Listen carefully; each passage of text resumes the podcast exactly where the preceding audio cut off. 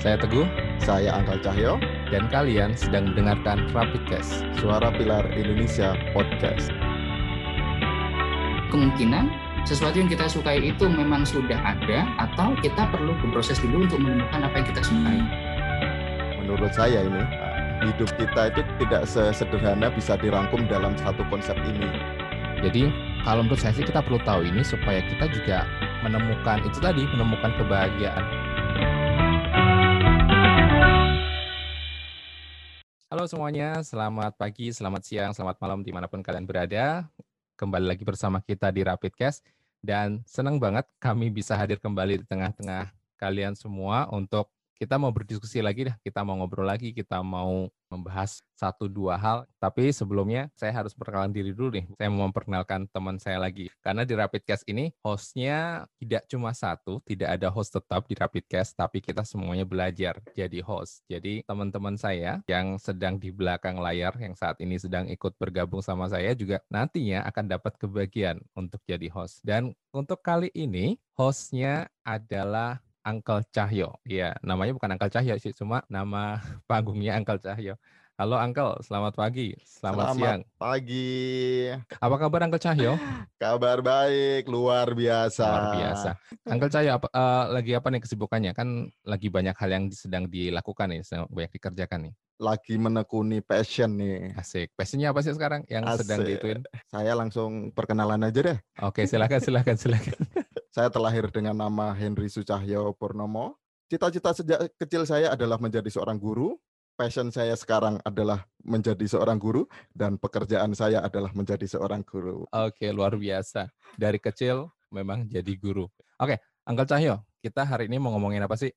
Kita hari ini akan membahas tentang ikigai, konsep hidup orang Jepang. Ikigai, konsep hidup orang Jepang. Terus, Uncle Cahyo tahu nggak Ikigai itu apa? Sejauh ini sedikit sih. Sedikit. Oke, kita ngomongin tentang Ikigai. Eh, banyak sih, sudah banyak orang sebenarnya berbicara tentang Ikigai ini. Dan ketika kemarin kita berdiskusi dan kita sepakat mau membahas tentang Ikigai ini ya. Iya kan ya? Karena menurut kita, oh ini cocok juga untuk pembahasan. Dan lebih lagi, karena pendengar kita juga banyak dari usia sekolah, dari anak SMP, SD, SMA mungkin juga. Nanti bisa kita relate em, topik ini ke pembahasan tentang ikigai untuk ya ketika di sekolah, ketika untuk berhadapan dengan lingkungan sekolah dan sebagainya. Oke, tapi kita nggak sendiri kan ya, kita bukan berdua saja nih, kita nggak mau ngobrol berdua. Kita ada narasumber, kita ada eh, apa namanya guest speaker juga untuk hari ini. Dan guest speaker hari ini luar biasa, jauh kita karena sedang pandemi, jadi kita nggak bisa mengundang langsung, tetapi kita lewat via online ya, aplikasi lah pastinya sudah tahu teman-teman semuanya. Dan hari ini aku, kita berdua akan ngobrol bareng sama Adit.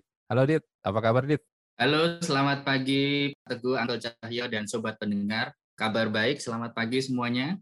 Oke, boleh Dit, apa Oke. namanya supaya sobat pendengar Rapidcast ini lebih kenal, lebih tahu tentang eh, dirimu, tentang Adit. Boleh sedikit perkenalan Dit, kamu sekarang di mana, kerjanya apa, lagi sibuk ngapain juga nih.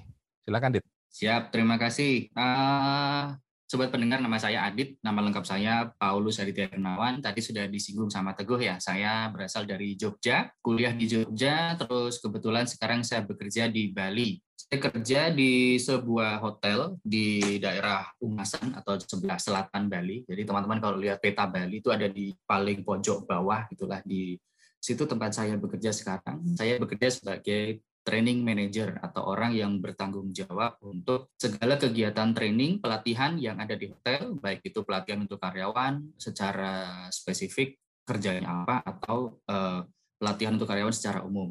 Jadi kurang lebih saya kerjaannya hampir mirip dengan guru, cuma muridnya saja yang berbeda. Kalau di sekolah kan murid SD, SMP, SMA ya. Kalau sekarang di ini eh, murid untuk training saya atau peserta training saya itu orang yang sudah bekerja. Jadi kurang lebih eh, ruang lingkupnya hampir sama dengan pendidikan yang ada di sekolah, hanya saja topik dan juga peserta pembelajarannya saja yang berbeda. Saya sudah tinggal di Bali dari 2015 sampai dengan hari ini, jadi sudah berjalan lima tahun ya, dan quite nice. Eh, mungkin orang kalau ke Bali berlibur, nah saya di sini berkesempatan mendapatkan keberuntungan yang diberikan oleh Tuhan, saya bisa bekerja di sini. Jadi tidak cuma berlibur saja, saya bisa bekerja di sini. Kerjanya sambil liburan ya berarti ya? Atau liburan sambil kerja nih? Apa ya, liburan dibayar mungkin. Oh, ya. liburan dibayar, betul. Karena itu langsung di Bali ya. Kalau sekarang gimana sih, Dit? Mungkin bisa sedikit ya kita cerita. Karena situasi pandemi ini ya kita nggak bisa Mm-mm. ketemu banyak banyak hal terdampak. Dirimu kan itu di hotel ya. Kamu kan lagi itu, itu apa namanya training manager di hotel. Situasi gimana di, di sana, Dit? Secara umum situasi di Bali sekarang sedang sangat sepi karena kita juga masih di situasi apa PSBB PPKM mikro sekarang ya sampai tanggal 22 Februari. Dan itu terdampak juga dengan kondisi eh, pariwisata Bali secara umum. Jadi masih banyak beberapa tempat apa namanya, tempat wisata yang masih ditutup seperti Garuda Wisnu Kencana itu masih belum dibuka untuk umum. Jadi eh, belum bisa dinikmati oleh para wisatawan. Dan kalau dari segi hotel tempat atau bidang saya bekerja sekarang itu terdampak dengan menurunnya jumlah okupansi atau tingkat hunian di hotel. Karena tadi apa namanya tidak banyak tamu yang bisa eh, liburan ke Bali karena PSBB tadi. Dan juga karena bandara internasional Bali ini juga belum membuka layanannya. Jadi belum ada pesawat yang bisa keluar ataupun masuk dari luar negeri. Jadi secara internasional belum ada ya? Belum, belum. Jadi kalau mau keluar negeri dari Bali harus lewat eh, hubnya Jakarta. lewat Jakarta atau Surabaya. Jakarta dulu ya atau Surabaya. Iya. Dit, saya kan belum pernah ke Bali nih. Mm-mm. Apa sih sebenarnya menjadi alasan orang-orang berbondong-bondong ke Bali? Oke. Bali itu terkenal sama budayanya ya, Uncle ya. Jadi menurut apa namanya yang saya amati sejauh ini orang-orang datang ke Bali itu karena pe- pengen mengalami budayanya, entah itu apa namanya tradisi-tradisinya, upacara-upacaranya, atau bahkan yang berhubungan sama tarian-tariannya. Jadi orang datang ke Bali itu masih mencari budayanya. Itu yang saya amati sejauh ini. Kalau Iya. masalah budaya, Indonesia kan kaya dengan budaya ya, ragam budayanya sangat tinggi ya yang ada di Indonesia. Apa yang membedakan dengan yang lain? Apakah promosinya atau gimana ya? Oh, gimana ya di sini tuh kalau saya lihat dari segi budayanya itu kekompakan masyarakat Bali dari apa namanya unit yang paling kecil sampai lingkup Bali secara provinsi itu sendiri. Kalau di Bali itu kan dia tidak ada sistem RT RW. Di sini namanya Banjar. Jadi kayak apa namanya eh, desa adat. Desa adat itu sama dengan eh, kelurahan. Di bawahnya kelurahan itu tidak ada RT RW, tapi sistemnya itu Banjar. Jadi Banjar apa, Banjar apa gitu ya. Nah di Banjar-Banjar itu mereka punya perangkat-perangkat desa itu yang istilahnya hampir seragam di seluruh Bali. Jadi mereka punya eh, perangkat desa yang apa namanya menghandle masalah budaya, ada yang menghandle masalah eh, upacara-upacara dan itu tuh hampir di semua tempat tuh ada. Jadi eh, kenapa budaya Bali itu sangat apa namanya ya eh, reserve atau dilestarikan sampai sekarang masih sangat eksis itu karena ya itu tadi dari unit masyarakatnya dari yang paling kecil sampai dengan tingkat provinsi itu sangat kompak untuk menjaga budayanya. Dari apa yang aku tahu dari membaca dari berita atau dari apa yang aku dengar itu kan sektor pariwisata itu merupakan salah satu sektor yang paling terdampak juga di masa pandemi ini dan dirimu kan lagi kerjanya di hotel. Apa yang sedang terjadi di sana? Bagaimana situasi hotel di tempatmu kerja? Apakah kamu sekarang kerja dari rumah juga atau bagaimana? Apakah banyak tamu yang datang atau gimana, Dit? Nah, untuk situasi sekarang ini, eh, apa namanya, terutama di masa PSBB dan PPKM Mikro sekarang, eh, tidak bisa dipungkiri itu sangat berdampak pada tingkat hunian hotel atau eh, sebut itu okupansi. Nah, jadi hotel-hotel di Bali sekarang yang sepi, tingkat okupansinya bahkan ada yang di bawah eh, 10%. Jadi bayangkan kalau dia punya kamar 300, isi kamarnya itu 30. Jadi bayangkan betapa menurunnya masukan dari hotel itu sendiri. Nah, ada beberapa hotel yang mengambil kebijakan untuk mengurangi pengeluaran dengan cara eh, dalam tanda kutip merumahkan karyawan-karyawannya atau mengurangi hari kerja karyawannya. Jadi mereka ada yang punya kebijakan unpaid leave. Jadi karyawan diminta untuk libur di rumah, tapi ketika dia libur itu tidak dihitung kerja, jadi tidak dihitung dalam penggajian. Jadi secara otomatis berkurang. Nah, ini juga berdampak dengan keadaan di hotel saya nih. Jadi saya kan tugasnya sebagai training manager. Jadi karena banyak orang yang tinggal di rumah, jadi tidak banyak yang datang ke hotel. Nah, tugas saya ba- sebagai seorang training manager kan bikin training di hotel nih, bikin pelatihan. Nah, karena banyak yang tidak datang ke hotel, makanya eh, kebanyakan sekarang tugas saya tidak delivering training, tapi lebih kepada eh, menyiapkan menyiapkan materi dan juga membantu eh, operasional hotel di bidang yang lain, bukan di bidang pelatihan seperti itu Mas Teguh. Dan kadang-kadang juga apa namanya tadi sudah saya sebutkan di depan ya ada unpaid leave jadi saya juga kadang-kadang di rumah uh, apa namanya uh, karena memang tidak uh, masuk ke dalam hitungan jam kerja seperti itu sih. Oke Dit, semoga pandemi ini segera berlalu dari Indonesia dan muka bumi ini.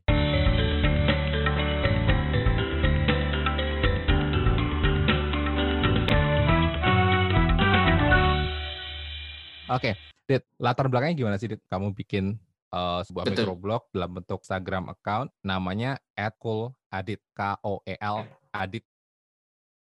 Oke, di latar belakangnya tadi berhubungan sama keadaan di Bali yang tadi sudah kita singgung di depan ya, karena hotelnya sepi, jadi tidak setiap hari saya datang ke hotel atau tidak setiap hari saya ngasih training, jadinya banyak waktu luang yang saya miliki. Nah itu uh, saya ingin agar di waktu luang saya ini saya tetap bisa melakukan sesuatu yang saya sukai. Nah saya kan sukanya ngasih training. Nah di dalam ngasih training itu kan kita uh, develop materi, ngumpulin referensi, nyari gambar dan sebagainya. Saya ingin agar eh, hal-hal uh, itu tetap saya bisa lakukan walaupun saya tidak ngasih training. Jadi ini saya tuangkan dalam uh, apa namanya tadi Instagram saya. Jadi di dalamnya itu saya berikan informasi-informasi, tips dan trik atau apa ya berbagi pengetahuan yang baru tentang empat hal. Yang pertama itu tentang communication, yang kedua tentang self improvement, yang ketiga tentang uh, learning and development, sama yang keempat tentang productivity. Apa namanya konten-konten saya lebih mengarah ke bidang-bidang tadi. Nah, di Rapidcast ini kan kita juga sama itunya, apa namanya, misinya adalah juga berbagi ke pendengar. Kalau di podcastnya Mas Ruby di 30 Days of Lunch itu Ruby tambah pinter lagi. dikit gitulah. Ya, tetap semoga dapat informasi walaupun sedikit. Akhirnya dari topik-topik yang kita lihat dari IG kamu itu, Instagram kamu itu di @cooladit itu kita mm-hmm. tertarik nih sama konsep ikigai. Mungkin kalau saya sendiri yang ngomongin tentang ikigai mungkin lebih dari sudut pandang saya sendiri nantinya. Tapi ya nggak apa-apa, kita kan namanya mm-hmm. juga ngobrol ya di sini ya. Oke, okay, gimana nih Uncle Cahyo nih? saya tertarik nih, Dit, tentang ikigai. Kemudian tentang ikigai ini kan berawal dari konsep hidup orang Jepang. Bagaimana mm-hmm. menurut Mas Adit? Ikigai itu apa sih sebenarnya? Oke, okay, terima kasih Uncle. Jadi uh, di salah satu konten uh, microblog Instagram saya, saya pernah membuat sebuah topik tentang ikigai itu saya tulis di bulan November 2020 jadi uh, belum lama saya mendengar ikigai itu apa karena sebelum-sebelumnya uh, kita sebagian besar kita dari kita itu berusaha untuk melakukan sesuatu atau mendapatkan pekerjaan itu sesuai dengan passion kita yang saya suka. Oh kalau saya sukanya apa namanya main bola ya sebisa mungkin saya dapat pekerjaan yang tentang main bola. Tapi berhubungan dengan ikigai ini lebih luas daripada itu karena ikigai ini uh, kalau dari konsep aslinya ya merupakan alasan di mana orang itu bangun pagi. Apa sih maksudnya? Ah, karena begini eh, kita bangun pagi itu kan kadang-kadang kita merasa kadang-kadang bersemangat tapi juga kadang-kadang kita merasa aduh kok udah pagi lagi ya saya masih pengen tidur saya masih pengen melanjutkan istirahat saya gitu ya.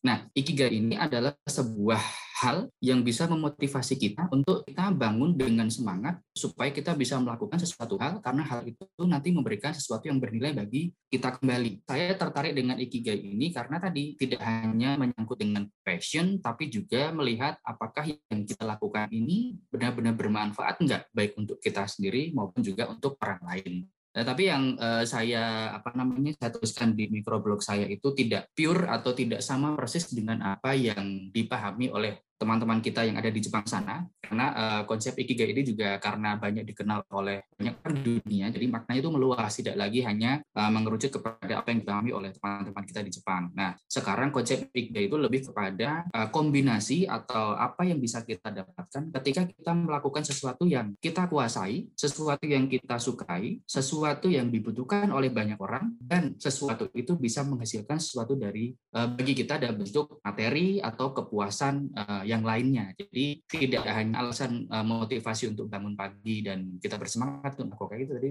tapi lebih kepada kita melakukan apa yang kita sukai, apa yang kita kuasai, bermanfaat bagi orang dan juga bermanfaat bagi kita. Oke, jadi memang pemahamannya perlu di itu ya, pemahamannya perlu kita samakan juga karena memang kalau dari konsep mm -hmm. aslinya di Jepang itu kan apa namanya orang Jepang melihat me memaknai ikigai sebagai alasan untuk bangun pagi. Jadi ketika kita sudah menemukan berarti ikigai kan sesuatu yang mungkin perlu kita temukan sehingga ketika alasan itu sudah kita dapatkan, ya kita bangun uh -uh. pagi, kita semangat untuk menjalani kehidupan. Tapi sekarang pun juga Betul. akhirnya seperti yang kamu sampaikan tadi, uh, kalau kita baca-baca dari referensi-referensi yang lain dan kita dengerin dari podcast yang lain tentang ikigai ini banyak apa ya mungkin maknanya cukup sedikit bukan berubah ya lebih pada disesuaikan dengan situasi juga yang pemahaman orang-orang pemahaman kita juga. Jadi akhirnya lebih pada apa yang kita bisa apa yang kita suka apa yang dunia butuhkan dan akhirnya Betul. kita bisa juga dapat uh, dapat apa namanya dapat insight dapat itu penghasilan juga dari hal tersebut. Sejak kapan sih kamu tahu tentang ikigai ini dit? Kalau saya sih saya termasuk terlambat ngerti ikigai ini. Kalau mungkin saya tahunya pada waktu waktu mungkin SMA atau mungkin pas kuliah mungkin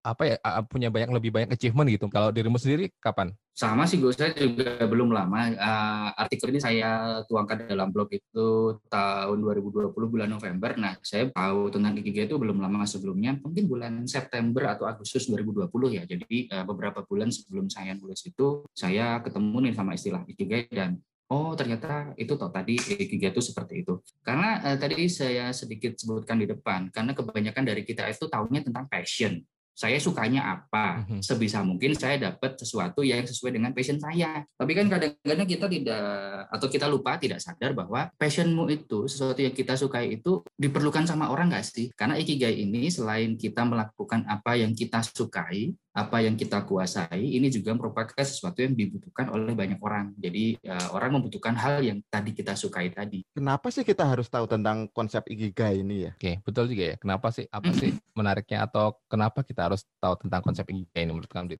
Padahal kita uh, dulu sebenarnya kita tahu konsep hidup ya, itu berdasarkan mungkin cerita dari orang tua kita atau pendahulu-pendahulu kita. Kan kalau kita orang Jawa punya konsep hidup yang beragam kayak gitu. Kenapa kita harus tahu tentang konsep ikigai ini? Yes, wah, dalam sekali ini pertanyaannya. Terima kasih.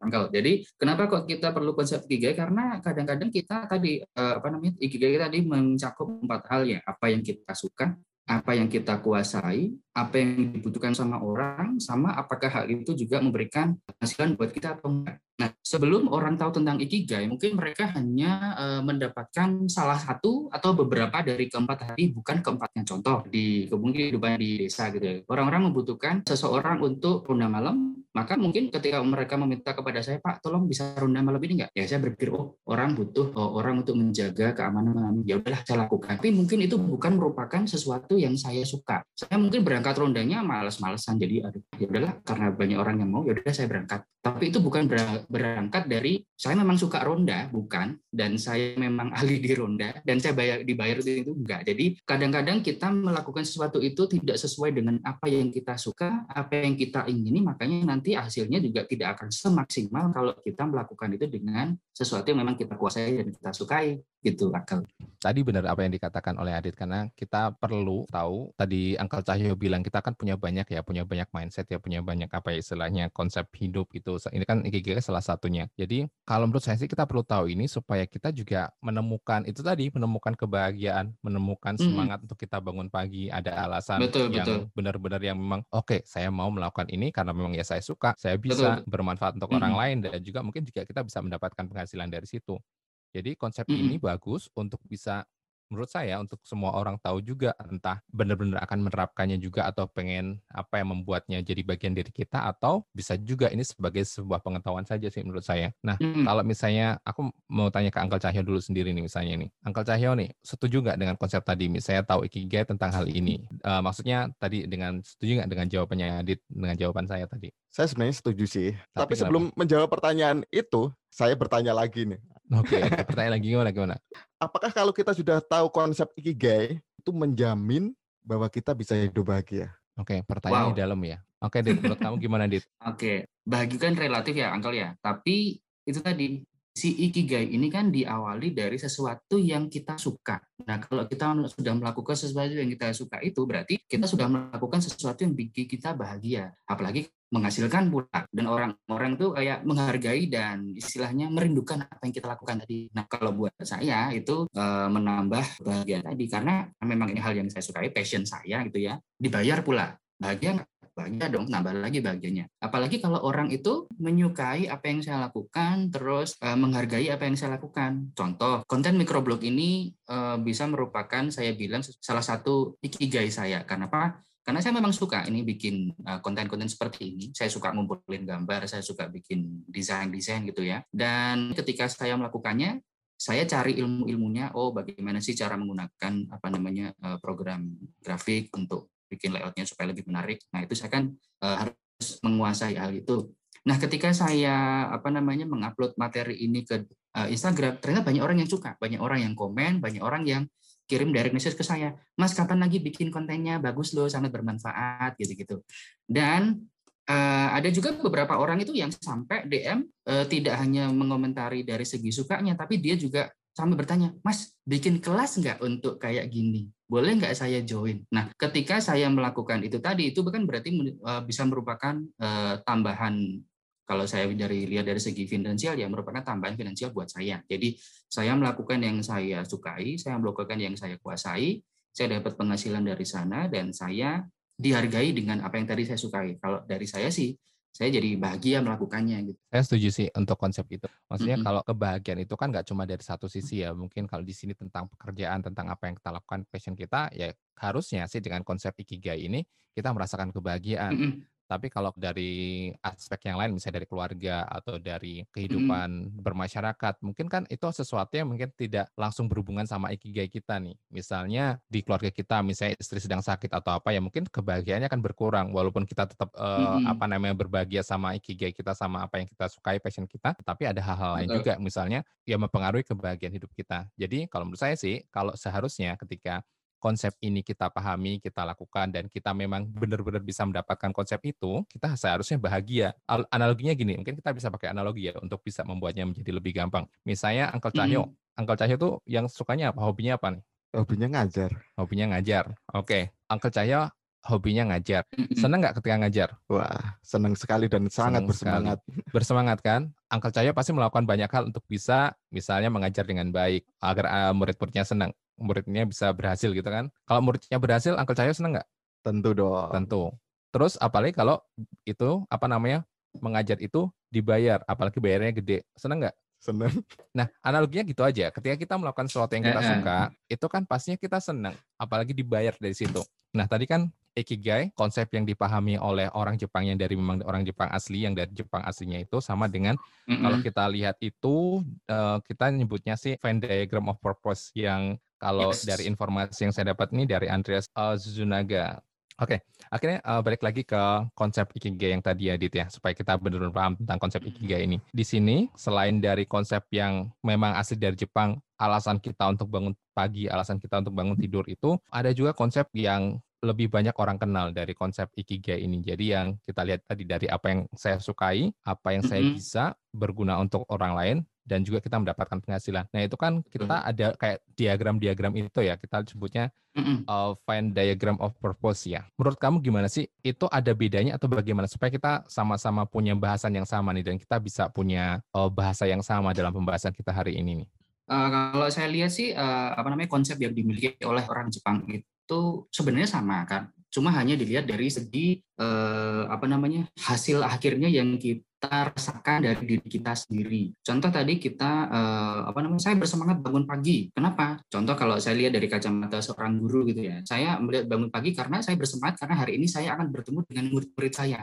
Nah, ngapain saya bertemu dengan murid-murid saya? Karena saya uh, ketika bertemu dengan murid saya, saya akan mengajar. Loh, mengajar itu ngapain? Oh, ketika saya mengajar, saya akan melakukan hal yang saya sukai. Saya uh, melakukan hal berbagi pengetahuan, berbagi ilmu. Nah, ketika saya nanti berbagi ilmu, saya bisa menggunakan cara-cara atau teknik-teknik yang saya suka. Contoh, saya menggunakan video, saya menggunakan role play, saya menggunakan gambar-gambar. Itu hal yang saya sukai. Dan juga saya melakukan hal yang saya kuasai. Saya kuasai adalah bagaimana teknik mengajar supaya para siswa ini mendapatkan ilmu yang uh, mereka butuhkan dengan uh, gaya mengajar yang tadi saya sudah lakukan. Terus, apakah ini dibutuhkan? Tentu saja dong. Ini dibutuhkan oleh murid-murid saya supaya mereka bisa mendapatkan pelajaran dengan cara yang menarik sehingga mereka bisa lebih paham. Dan kebetulan ketika saya mengajar di sekolah, saya merupa, uh, saya mendapatkan penghasilan dari sana, saya dibayar oleh sekolah dan ini menghasilkan sesuatu yang berguna bagi saya. Jadi kalau kita lihat dari segi apa namanya ya, uh, ya apa namanya dari segi pengertiannya mungkin sedikit berbeda karena yang disebutkan oleh teman-teman kita orang Jepang itu hanya hasil akhir yang menjadi internal motivation kita setiap hari itu ngapain. Tapi kalau kita breakdown lagi, apa sih yang uh, membuat kita tadi bersemangat? Ternyata ada banyak hal yang bisa kita lihat dan itu ditemukan di dalam diagram apa namanya fan of purpose tadi ada motivation, vocation, mission sama satu lagi passion. Jadi hal yang memang dibutuhkan oleh banyak orang, hal yang kita kuasai, hal yang kita sukai dan hal yang bisa mendatangkan keuntungan buat kita. Seperti itu sih.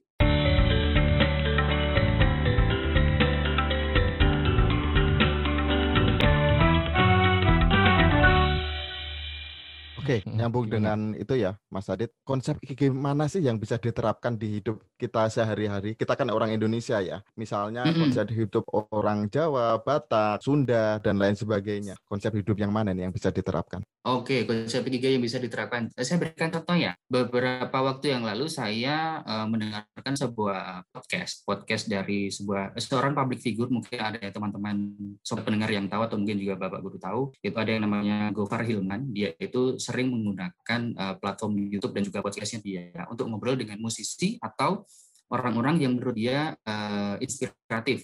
Nah, salah satu kemarin yang diundang itu ada yang namanya Alit Susanto yang punya uh, apa namanya persona Sitlicious. Jadi uh, Mas Alit ini uh, dulu juga teman saya dan Mas apa namanya Teguh waktu kuliah dan sekarang dia sudah menjadi uh, influencer yang cukup terkenal karena dulu dia sudah membuat buku dan sekarang dia sering bikin vlog tentang motor. Nah, ada filmnya juga kan? Ada filmnya ya, juga, betul. Film juga, ya. Betul. Film juga. Uh -uh. Nah, ketika diwawancara oleh si Gofar tadi, si Mas Alit tadi menceritakan tentang uh, apa yang dialami oleh ibunya Mas Alit. Jadi ibunya Mas Alit ini sampai detik ini, walaupun Mas Alit sudah sangat sukses gitu ya, masih bekerja sebagai seorang penjual jamu gendong. Nah, ketika ditanya sama si Gofar, loh Lit, uh, lu tega amat sama ibu lu, masih disuruh kerja gitu, oh, udah tua, lu kan udah sukses, ngapain nggak disuruh berhenti kerja aja? Nah, Mas Alit menceritakan, bukannya nggak mau Far, tapi ibu saya ini memang sudah sangat mencintai dengan apa yang dilakukan setiap hari. Jadi kalau ibu saya itu disuruh berhenti bekerja, dia bisa sakit. Loh kok bisa sakit? Karena apa namanya dari kegiatannya si ibunya Mas sehari-hari dengan menjual jamu tadi, yang pertama dia bisa memenuhi prinsip ikigainya dia. Loh kok bisa? Karena yang pertama, bikin jamu itu memang merupakan sesuatu yang dia sangat suka. Dia suka bikin jamu dari kecil dia sudah diajari oleh orang tuanya. Makanya dia suka tuh bikin jamu karena bermanfaat bagi kesehatannya. Nah, dia ingin berbagi uh, apa namanya uh, hal yang dia miliki itu dengan, dengan orang lain, makanya dia berjualan jamu. Nah, ketika dia berjualan jamu, dia sudah sangat menguasai bagaimana teknik membuat jamu dari mana apa namanya memilih bahan-bahannya, terus apa namanya membuat ramuan-ramuannya. Dia sangat ahli dalam hal itu. Dan ketika dia menjual jamu ini, dia tidak hanya menemukan penghasilan finansial dari situ, jamunya laku, tapi dia juga bertemu dengan orang-orang yang setiap hari bisa dia sapa, bisa dia ajak ngobrol, bisa berbagi kisah dengan ibunya dia. Jadi ketika dia jualan jamu ini tidak semata-mata tujuan cari duit, enggak, tapi lebih kepada bagaimana dia bisa berinteraksi dengan orang-orang di apa namanya mendengar bagaimana pengalaman hidupnya mereka dan ini bagi ibunya Mas Alit itu merupakan sesuatu yang bikin dia benar-benar happy. Dan ini kalau kita bisa sambungkan dengan falsafah Jawa ya, karena kebetulan Mas Ali juga orang Jawa, itu dia mengaitkan dengan falsafah urip itu urup atau hidup itu adalah sesuatu yang bisa memberikan nyala bagi orang lain. Nah, ibunya Mas Alit itu selain dia apa namanya uh, bisa melakukan kewajibannya jualan jamu setiap hari, memang suka, memang ahli, mendapatkan uang dari sana, dia juga merasa yang dia lakukan ini bermanfaat. Karena ketika dia nggak jualan, orang-orang nanya, Bu kok nggak jualan sih? Saya kan jadi pengen minum jamu beras kencur contohnya. Jadi eh, kalau kita sangkutkan dengan apa namanya budaya atau lokal wisdom kita di Indonesia, ternyata ikigai ini juga bisa juga kita apa namanya sambungkan atau bisa kita hubungkan dengan nilai-nilai lokal yang kita miliki. Mungkin kalau di daerah lain-lain saya kurang tahu, tapi uh, ini bisa dihubungkan dengan uh, falsafah kehidupan Jawa yang tadi disampaikan oleh ibunya Mas Alit. Itu Angkel.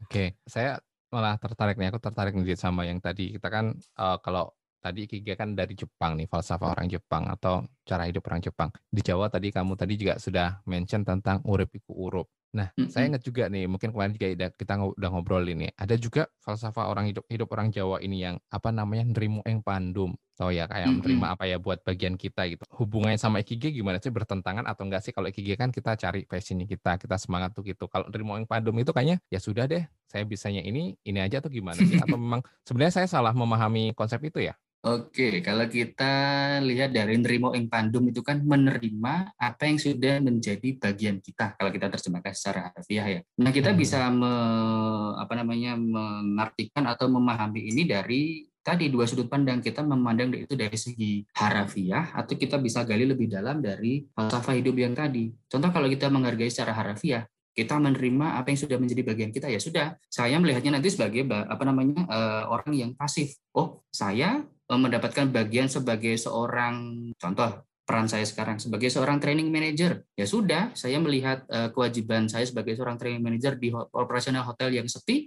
ya udah karena saya nggak bisa bikin training ya saya nggak usah berangkat kerja, orang saya nggak bisa menjalankan kewajiban saya. Tapi kalau saya melihat uh, falsafah Narimo Infantum itu dari segi filosofi yang lebih dalam lagi, saya melihat oh saya sebagai seorang training manager, tugas saya ngapain sih? Tugas saya memberikan training. Nah, ketika saya tidak bisa memberikan training, sebagai posisi saya yang sekarang, saya bisa memberikan kontribusi apa kepada tempat saya bekerja sekarang ini? Oh, apakah saya bisa memberikan kontribusi dalam bentuk contoh saya membantu departemen lain atau pihak lain yang sekarang sedang kekurangan orang contohnya. Nah, itu uh, kita bisa melihat uh, falsafah Narimo Ing Pandum itu dari dua sisi. Kita mau melihat dari segi harafiahnya sebagai orang yang pasif saja, ya sudah saya terima ini, di luar itu saya nggak melakukan, atau saya bisa menerima itu dari segi yang uh, lebih dalam dalam hal ini kita aktif Eh, melakukan apa yang kira-kira bisa saya lakukan di posisi saya yang sekarang. Contohnya tadi kalau isi ibunya Mas Alit itu nerimo yang pandum, menerima apa yang sudah menjadi haknya gitu ya, apa yang sudah menjadi bagiannya. Sekarang dia sudah menjadi seorang ibu dari seorang yang sangat terkenal. Nah, kalau dia meng, apa namanya menanggapi konsep nerimo ing itu dari segi pasif, oh anak saya udah sukses loh sekarang, itu sudah menjadi ah saya dong, anak saya harus menghidupi saya sekarang, saya nggak mau lagi jualan jamu. Itu bisa kalau dia bisa melihat dari sisi yang uh, pertama. Tapi kalau dia melihat dari sisi yang kedua, oh anak saya sudah sukses tapi saya bisa mengambil bagian apa sih sebagai seorang ibu dari orang yang sukses tadi. Saya bisa contoh tetap jualan jamu dan ketika saya jualan jamu saya bisa menceritakan apa namanya kisah sukses anak saya ini supaya bisa menginspirasi orang-orang lain biar mereka juga ikutan sukses. Mungkin seperti itu. Oke. Okay. Thank you, Dit. Mungkin kita benar-benar perlu memahami konsep-konsep hidup itu ya. Itu yang saya katakan tadi, Go. Kita itu kan sehari ada 24 jam. Tidak mungkin kita menerapkan ikigai terus selama 24 jam. Kadangkala kita harus memakai uh, filosofi Trimo Eng Pandum, kadangkala kita harus memakai filosofi alon-alon waton kelakon dan lain sebagainya. Kadangkala kita harus memakai juga tadi urep itu urup tor nguripi. Itu uh, analogi Wah, saya tentang ikigai. Okay. Urep iku ngurup tor ngurupi. Ya, benar ya? Nguripi. Oh, nguripi, sorry. Menghidupi. Urep iku urup tor nguripi. Oke, kita bisa belajar banyak sebenarnya dari satu falsafah hidup ikigai. Ternyata di Indonesia mm -hmm. sendiri kita punya banyak juga ya konsep-konsep hidup itu yang awalnya mungkin buat kita kenapa sih seperti itu ya kita ya anggap cahaya ya alun-alun waton kelakon.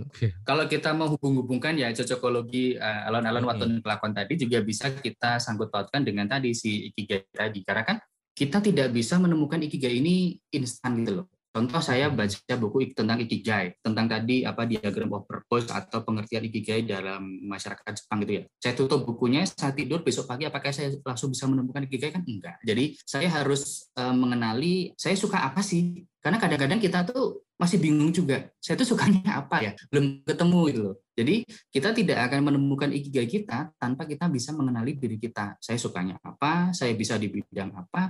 Orang-orang membutuhkan saya dalam bidang apa? Nah, dan saya bisa menghasilkan sesuatu dari melakukan apa. Nah, kalau tanpa kita belum bisa melakukan itu, kita belum bisa menemukan ikigai kita. Dan itu juga merupakan bukan sebuah proses yang instan. Harus apa namanya? Uh, diperlukan waktu supaya kita bisa menemukan itu. Dan kalau kita sambungkan dengan alon-alon waton kelakon tadi juga mungkin bisa ya. Jadi kita tidak bisa terburu-buru atau tidak bisa secara instan menemukan oh inilah ikigai saya Oke, jadi saya ingat saya ingat juga nih sebuah falsafah juga nih. Maksudnya ketika kita ngomongin soal ikigai tadi kan ngomongin tentang apa yang kita suka gitu ya. Sedangkan apa yang kita suka tuh sering kali ya tidak menghasilkan gitu, tidak memberikan penghasilan mm -hmm. ke kita atau mungkin tidak apa memberikan manfaat untuk orang lain. Nah, sedangkan pada mm -hmm. beberapa situasi orang-orang e, bekerja atau melakukan sesuatu tuh tidak pada passion mereka, bukan pada passionnya, bukan pada yang dia senangi. Nah, mungkin saja mm -hmm. ada konsep lain yang bisa kita relate-kan dari situ. Misalnya kalau aku sih jadi ingat Witeng Tresno Jalaran Soko Kulino. Jika kita menyukai sesuatu itu bisa jadi karena kita terbiasa dengan itu, kita mulai apa namanya bisa menguasai ini tentang apa, terus bisa melakukannya dan akhirnya menjadi suka. Dan itu bisa jadi Betul. itu akhirnya di endingnya bisa jadi itu ikigai kita. Menurut Angkel Cahyo gimana nih? Witing terus Jalaran Soko Kulino bisa nggak maksudnya bisa kita hubungkan dengan ikigai gitu nggak? Saya sangat setuju dengan itu. Witing Trisno Jalaran Soko Kulurono. Karena kita hidup itu sebenarnya kita lahir, kita belum tahu bakat kita, kita belum tahu passion kita dan sebagainya. Dan passion itu harus dicari. Dan cari itu kan kadang-kadang dalam proses mencari itu ada, kita perlu dipaksa, kita perlu melakukan berulang-ulang dan itu bisa jadi karena paksaan itu karena kebiasaan kita itu bisa menimbulkan cinta yang ada asik Oke, luar biasa. Lanjut baik lagi. Nah, uh, tadi aku bilang ya, maksudnya pendengar Rapid Case itu ada juga yang masih usia sekolah nih, SMP, SMA. Kalau kita ngomongin tadi kan, mm -hmm. kalau misalnya Ikigai ngomongin passion, mission, vocation, profession di situ. Kalau bisa nggak sih, Dit? Maksudnya konsep Ikigai ini bisa kita terapkan atau dipahami oleh anak-anak yang masih usia sekolah gitu. Kamu mungkin nanti mereka akan jadi apa, atau mungkin kalau dalam saat sekolah ini, uh, alasan supaya mereka tuh menemukan alasan untuk bangun pagi gitu loh pas sekolah gitu itu gimana sih menurut kamu?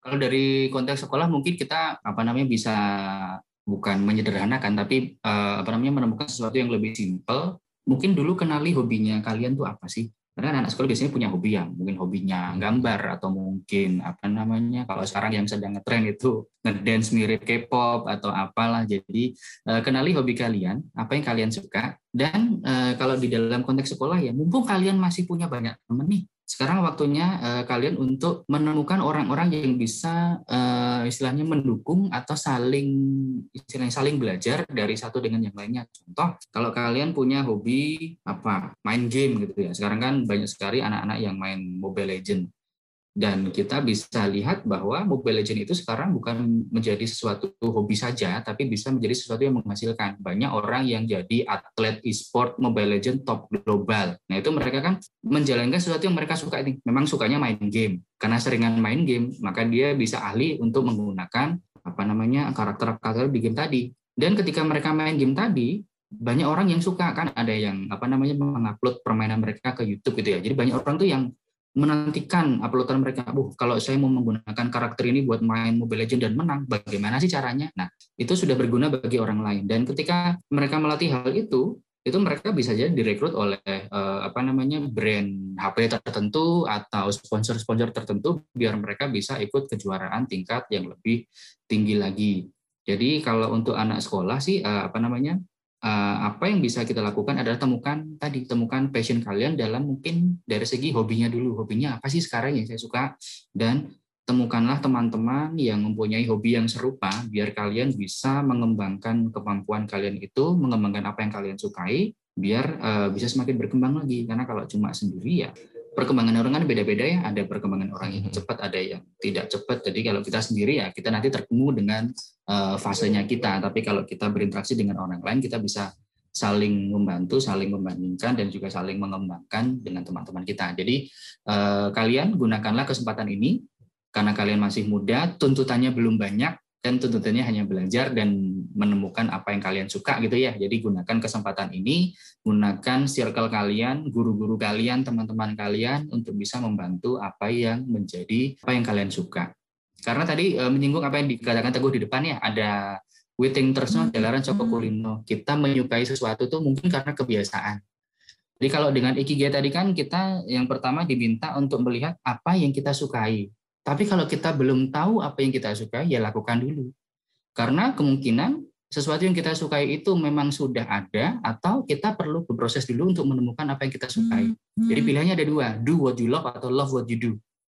Cintai apa yang kamu lakukan atau lakukan apa yang kamu cintai. Nah, kalau kalian belum bisa menemukan lakukan apa yang kalian cintai, ya cintai dulu apa yang kalian lakukan. Karena kemungkinan nanti akan menjadi sesuatu yang kalian sukai di masa depan. Mungkin begitu, Teguh dan Angkel. Oke, terima kasih Dit untuk itunya. Jadi kalau untuk anak yang di usia sekolah bisa menyiapkan juga ya nanti ke depannya mereka mau jadi apa. Paling tidak menemukan apa yang disukai dulu, menemukan passion mereka, terutama ketika mereka sekarang tugasnya memang sedang belajar ya. Ya sudah belajar cari passionnya, belajar cari apa yang dia sukai, berangkat dari situ dikembangkan mm -hmm. siapa tahu nanti itu adalah sebagai ikigainya dia supaya mendapatkan penghasilan dari situ mm -hmm. mendapatkan kesenangan mm -hmm. dari situ juga Dan mm -hmm. apakah kamu sudah menemukan ikigaimu di profesi yang kamu lakukan sekarang ini Oke, okay, apakah uh, profesi saya sekarang, pekerjaan saya sekarang adalah ikigai saya? Saya bisa bilang dengan mantap iya. Kenapa?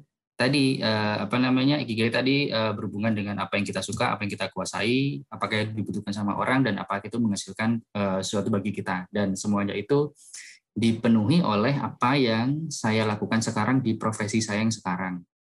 Lanjut Edit. Tadi mungkin bisa diulang lagi deh. Tadi sebenarnya uh, Adit udah udah menyampaikan tapi mungkin konsepnya untuk anak-anak sekolah nih.